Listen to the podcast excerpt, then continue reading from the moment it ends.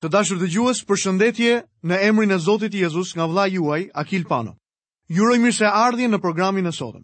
Ju kujtoj që në mësimin e kaluar kemi folur për Ungjillin e Markut, kapitulli i 10 i këtij Ungjilli dhe kemi studiuar çështjet shumë të rëndësishme që kanë të bëjnë me dëshirat e dishepujve të Zotit për të qenë njëri në anën e majtë dhe tjetri në anën e djathtë të tij. Më poshtë kemi ndaluar në kapitullin e 11 në studimin tonë dhe kemi ndarë këtë kapitull në katër pjesë. Pjesa e parë e këtij kapitulli ishte Jezusi i prezanton kombit të tij vetveten publikisht si Mesia. Më poshtë pamë që Jezusi shqiptoi një mallkim mbi pemën e fikut, më poshtë gjithashtu vumë re që Jezusi pastroi tempullin dhe pamë bisedën e Jezusit për lutjen. Në studimin e sotëm, do të ndalemi nga vargjet 15 e poshtë të kapitullit të 11 të ungjillit sipas Markut. Atëherë le të fillojmë menjëherë studimin tonë mbi këto vargje. Kështu arritën në Jeruzalem. Dhe Jezusi pasi hyri në tempull, filloi të dëbojë ata që shisnin dhe blinin brenda tempullit dhe përmbysi tavolinat e këmbyesve të parave dhe ndenjëset e shitësve të pëllumbave. Këtu Jezusi pastron tempullin. Gjoni na tregon se ai e pastroi atë në fillim të shërbesës së tij dhe tani ai e pastron sërish në fund të shërbesës së tij. Kjo ndodh në ditën e dytë. Dhe kjo nuk ishte dita e sabatit, por ishte dita e diel. Këmbyesit e parave ishin në tempull. Ata uleshin tek tregu dhe kur vinin të huaj nga vende të tjera, ata mund të shkëmbenin monedhat e tyre. Të huajt nuk mund të përdornin monedhat e tyre, por nevojitej monedha ligjore e tempullit. Kur këmbyesit e parave bënin shkëmbimin, ata u kërkonin njerëzve njëfarë përqindje. Kjo i shërbente një qëllimi të mirë, por shqetësimi i kësaj ishte se Zoti ynë tha se tempulli ishte bërë një shpellë kusarësh. Ishte bërë një gjullurdi fetare. Miqtë mi, gjithmonë në një sipërmarrje të krishterë ka një rrezik. Kjo është arsyeja pse njerëzit duhet të kontrollojnë organizatat fetare para se ato t'i mbështesin këto organizata. Ja mund ta shihni që prezantimi i tij publik si Mesia nuk ishte një hyrje ngadhënjimtare në Jeruzalem. Jezusi ishte i refuzuar. Mua nuk më pëlqen ky term dhe nuk është sipas Shkrimeve ta quash atë ngadhënjimtare.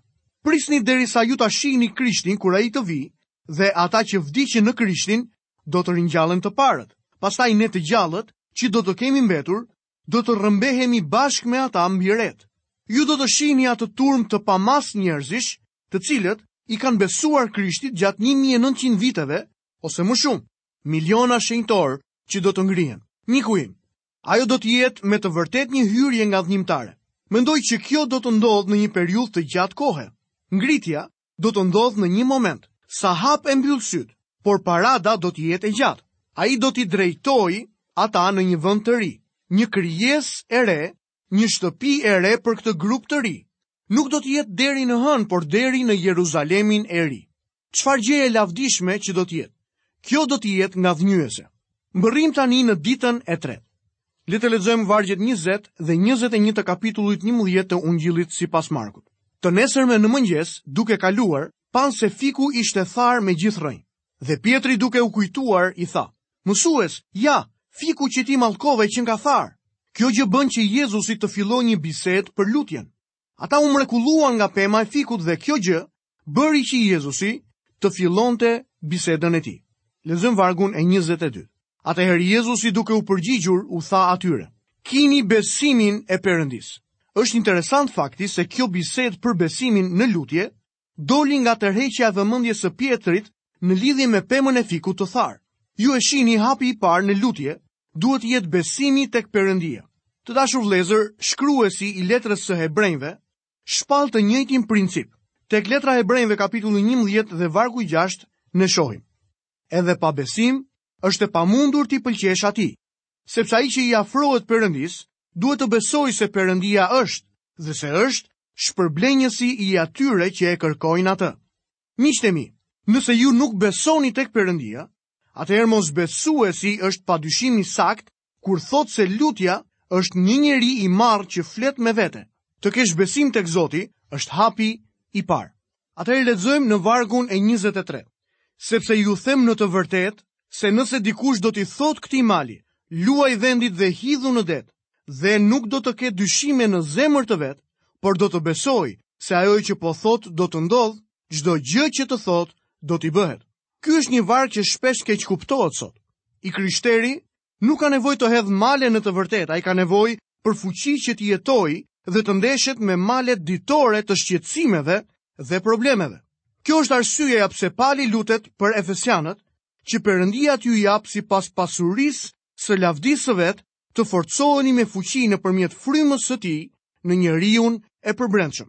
Mos u lutni për mua që të jem në gjendje të lëviz malet që janë prapa zyrave tona këtu në Pasadena. Në fakt, unë nuk shoh ndonjë kuptim në të lëvizurin e maleve. Dhe nëse do t'i lëvizja, në ç'vend tjetër të botës mund t'i çoja ato. Unë nuk dua t'i vendos ata në oqean, sepse duken të mrekullueshëm atje ku ndodhen. Por do t'ju them shumë sinqerisht se do të doja të forcohesha, me fuqi, nëpërmjet frymës së shenjtë përbrenda meje. Kjo, miku im, do të ishte diçka më fantastike sesa lëvizja e maleve.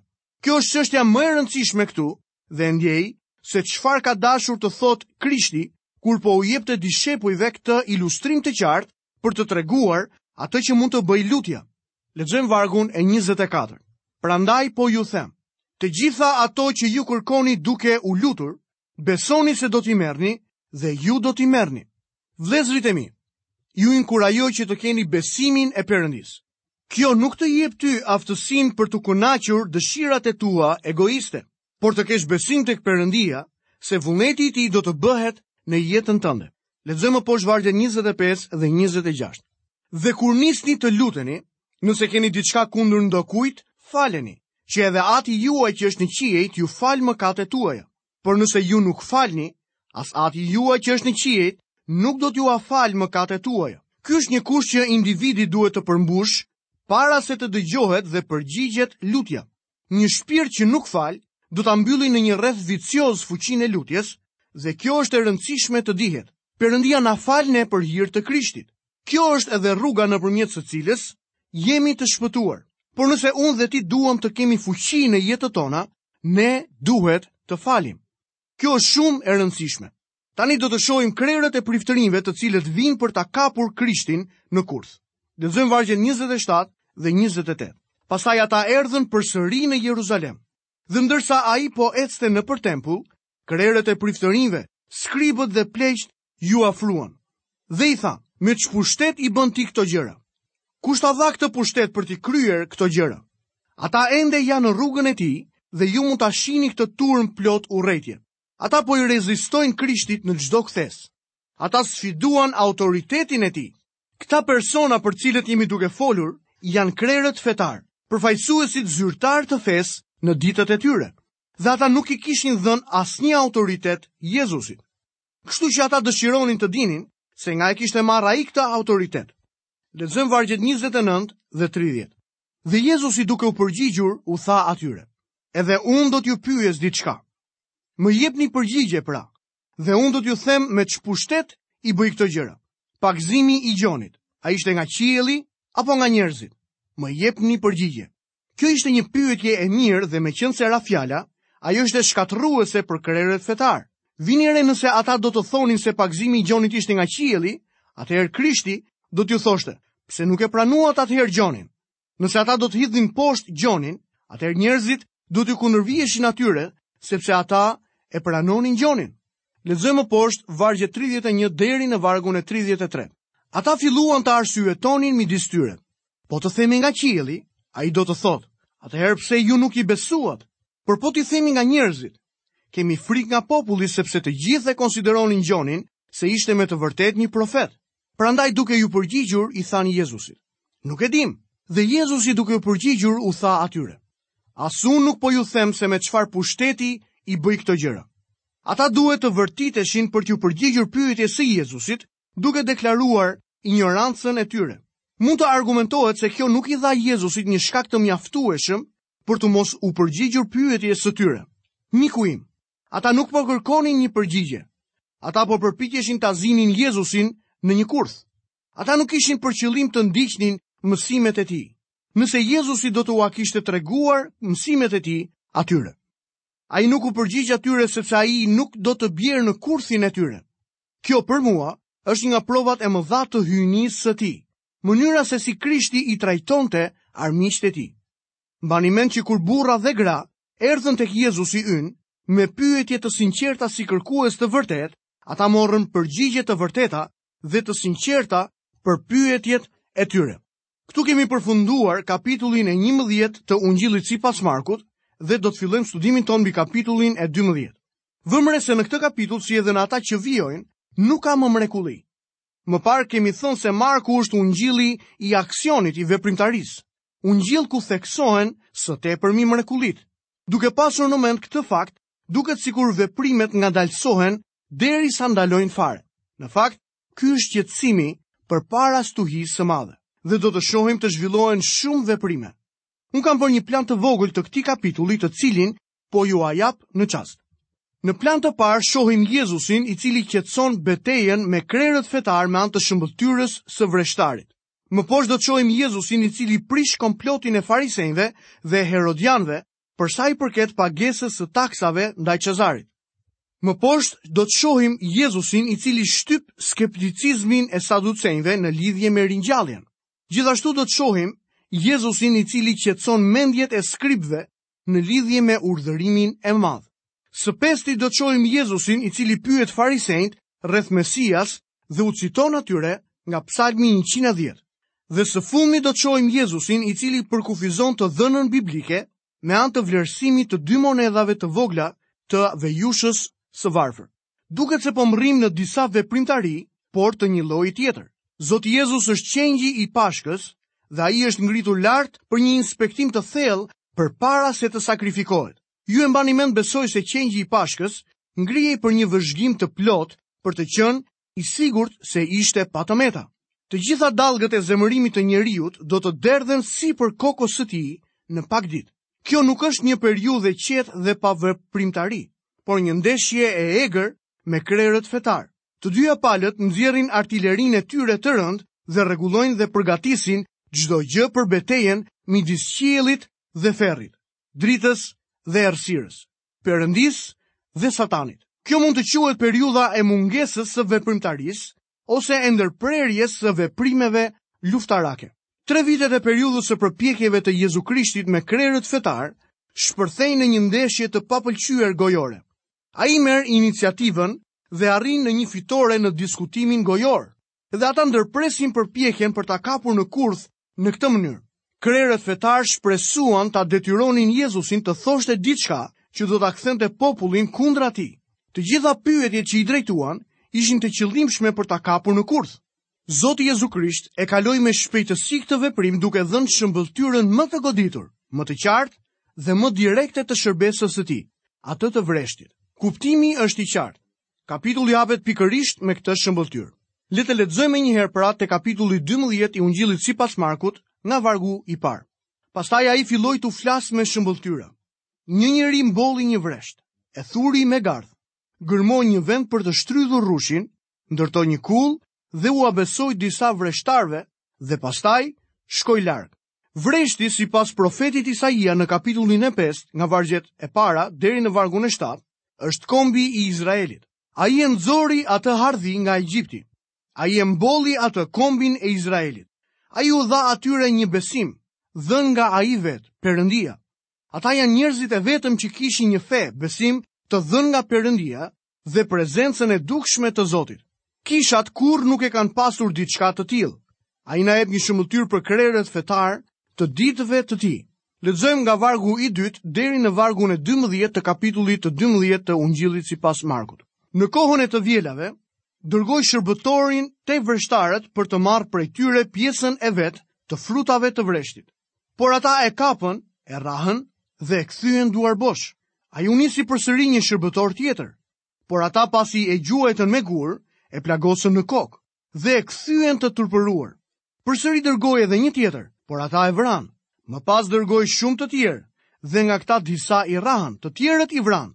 I ngeli edhe një për të dërguar, birin e tij të dashur. Më së fundi, ua dërgoi edhe atë duke thënë, për djalin tim do të kenë respekt, por ata vreshtarë i thanë njëri-tjetrit, ky është trashëgimtari, ejani ta vrasim dhe do të na mbesë trashëgimia. Dhe e kapën e vranë dhe e hodhën jashtë vreshtit. Çfarë do të bëjë pra i zoti i vreshtit? Ai do të vijë dhe do t'i shfarosë vreshtarët dhe vreshtin, do t'ua japë të tjerëve. Pa nuk e keni lexuar këtë shkrim, guri që ndërtuesit e hodhën poshtë u bë guri i qoshes? Kjo është bërë nga Zoti dhe është një gjë e mrekullueshme në sytë tanë. Atëherë ata kërkuan ta kapin, sepse kuptuan se ai e kishte thënë atë shëmbëlltyrë kundër tyre, por kishin frikë nga turma dhe e lanë e ikën. Është më se e qartë se për çfarë po flet Zoti Jezus në këtë shëmbëlltyrë. Shërbëtorët që dërgoi ishin profetët. Njeriu që kishte vreshtin është Perëndia Ati. Vreshti është kombi i Izraelit. Perëndia e ka zgjedhur dhe mbrojtur këtë vresht.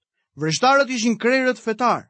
Më në fund ai dërgoi birin e tij dhe sigurisht që ky bir është Zoti Jezus, biri i dashur i Atit. Jezusi erdhi fillimisht te kombi i Izraelit në një mënyrë speciale. Tek Ungjilli sipas Markut në kapitullin e 15 dhe vargu 24, gjejmë të regjistruar këtë thënie të Jezusit. Unë nuk jam dërguar gjetiu, përveçse tek delet e humbura të shtëpisë së Izraelit. Por Jezusi erdhi gjithashtu për të gjithë botën sipas Ungjillit të Gjonit kapitulli i tretë dhe vargu i gjashtëmbëdhjetë. Zoti Jezus këtu po u jep një goditje direkte dhe të paramenduar krerëve fetarë që po qëndronin përpara tij. Ata tashmë kishin thurur vdekjen e tij dhe nxjerrin në dritë planet e tyre. Ai e dinte se çfarë kishte brenda njeriut. Ai u tregonte krerëve fetarë se çfarë ata do të bënin. Jezusi profetizoi çdo hap të tyre dhe parashikoi çdo lëvizje të tyre. Ai akuzoi ata si vrasës përpara se ata ta vrisnin. Kjo është një ngjarje e mrekullueshme miqtë e mi. Pastaj Jezusi parashikoi gjykimin e krerëve fetarë. Ne mund ta shohim përmbushjen e kësaj në vitin 70 pas Krishtit, kur Titusi Romaku e shkatërroi atë qytet dhe i zuri robër. Ne mund të shkojmë te Koloseu në Romë. Skllevërit judenj punuan për ndërtimin e tij. Le të vëmë re diçka të mrekullueshme këtu. Guri që ndërtuesit e hodhën poshtë u bë guri i qoshes. Në këtë shëmbëlltyrë përfshihen dy pika të rëndësishme, vreshti dhe guri. Krishti ishte guri i pengesës dhe shkëmbi i fyerjes për krerët fetarë. por shumë njerëz u kthyen tek ai dhe ai u bë guri i qoshes. Kjo do të përmbushet plotësisht në të ardhmen kur Jezusi të vijë sërish në tokë. Këtë e gjejmë të përshkruar mjaft mirë tek libri i profetit Zakaria në kapitullin e 4 dhe vargun e 7. Kush je ti o mal i madh? Përpara Zorobabelit ti do të bëhesh fushë dhe ai do ta bëjë gurin e majës së malit të shkojë përpara midis britmave. Mëshirë, mëshirë për të. Krerët fetarë do të donin ta kishin kapur Zotin Jezus në atë moment dhe ta ekzekutonin, por kishin frikë nga njerëzit. Shëmbëlltyra e vreshtit shënon fillimin e një lufte gojore dhe më pas do të shohim se ata do t'i dërgojnë delegacione të tjera Jezusit. Le të lexojmë më poshtë nga vargu 13 deri në vargun e 15. Pastaj i dërguan disa farisenj dhe herodianë për ta zënë në gabim në fjalë.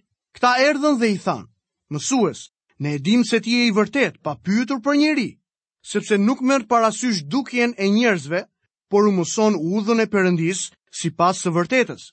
A është e ligjshme t'i paguhet taksa Cezarit apo jo? Duhet t'ia paguajmë apo jo? Por ai duke njohur hipokrizinë e tyre, u tha atyre: "Përse më tundoni? Më sillni një denar që ta shoh." Pyetja e tyre është kryevepër. Ata e lavdëruan megjithëse Jezusi i quajti ata hipokritë. Ai nuk e pranoi aspak lëvdimin e tyre. Meqenëse ra fjala, Jezusi pranoi se çfarë i tha Nikodemi, sepse ai ishte i sinqertë, por ata ishin hipokritë. Pse u kërkoi ai atyre një denar? Është e vërtetë se Jezusi do ta përdorë monedhën e tyre, por mendoj se vetë ai nuk kishte asnjë. Thjesht mendoni për këtë. Zoti i lavdisë është në këtë botë dhe ai nuk ka asnjë denar në xhepin e tij. A mund ta imagjinoni dot? Sa i mrekullueshëm ishte Zoti Jezus. Ai nuk kishte asnjë monedhë në xhepat e tij dhe jam i bindur asnjë lloj karte krediti. Kështu që thjesht u kërkoi një monedhë dhe ata ia dhanë. Lexojmë vargun e fundit të studimit të sotëm, vargun e 16 dhe të 17. Ata ia prunë dhe ai u tha atyre, e kujt është kjo fytyrë dhe ky mbishkrim? Ata i thanë, e Çezarit. Atëherë Jezusi u përgjigj dhe i tha atyre, i jepni Çezarit atë që është e Çezarit dhe Perëndisë atë që është e Perëndisë. Dhe ata u çuditën nga ai. Ata i dhanë një monedhë dhe ai u bëri një pyetje. Nëse do t'u ishte përgjigjur se ata duhet t'i paguanin taksën Çezarit, atëherë kjo do të thoshte që Jezusi e vinte Çezarin përpara Moisiut dhe para Mesias. Por nëse do t'u kishte thënë atyre që nuk duhet t'i paguanin taksat, do të ishte fajtor për rebelim ndaj Çezarit. Ata menduan se e zunë në kurth, por në fakt nuk e kishin zënë ende. Atyre thjesht u ngelej të mahniteshin nga përgjigja e tij. Përgjigja e Zotit Jezus zbulon se një fëmijë i Perëndisë ka një përgjegjësi dyfishe dhe ndoshta më shumë se dyfishe. Dikush para disa kohësh më tha se babai i tij ndodhej në spital dhe nëna ishte e sëmurë. Ai kishte disa para të lëna mënjanë për kishën. Kur e pyeta më tej, më tha se prindërit e tij ndodheshin në nevojë urgjente dhe se duhet të pranonin bamirësi nëse ai nuk i ndihmonte ata. Unë i thashë se ai kishte përgjegjësi mbi prindërit e tij. Ne kemi disa nocione fanatike dhe të çuditshme sot. Ne kemi përgjegjësi për qeverinë tonë. Kur shoh taksat e të ardhurave të mia, shpesh mendoj se kam jashtëzakonisht shumë përgjegjësi.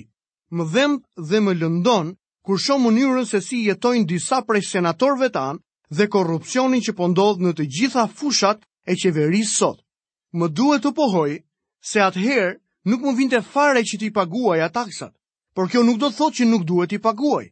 Ne kemi një përgjegjësi të përcaktuar ndaj qeverisë. Kemi përgjegjësi edhe për të dashurit tanë, edhe për kishën tonë. Unë kam përgjegjësi për ty sot, për të të dhënë ty fjalën e Perëndisë. Ne të gjithë kemi përgjegjësitë tona dhe këtë po na thotë edhe Zoti ynë. Ti ke përgjegjësi për Çezarin. Përmbushi përgjegjësitë e tua, por kjo nuk të çliron ty nga përgjegjësia jote përpara Perëndisë. Dhe kjo është e mrekullueshme. Në fakt ai e merr këtë ngjarje dhe e kthen në një shëmbëlltyrë. Më jepni një denar. Me atë monedhë, Jezusi ilustron të vërtetën e madhe. Monedha ka dy anë, ka dy fusha në jetë për të cilat ne kemi përgjegjësi. Njeriu i ka të dyja detyrimin tokësor ose fizik dhe detyrimin qiellor ose shpirtëror. Qytetarët e qiellit i paguajnë taksat këtu poshtë. Udhëtarët këtu poshtë duhet të depozitojnë bollëkun e përjetshëm në qiell. Ju pra mund ta shihni se si i qetësoi Jezusi herodianët, të cilët donin të vendosnin në fuqi shtëpinë e Herodit. Të dashur dëgjues, këtu kemi mbritur dhe në fundin e programit të sotëm. Nga vëllai juaj Akil Pano, keni të gjitha bekimet e Perëndisë dhe paqen e tij në jetën tuaj.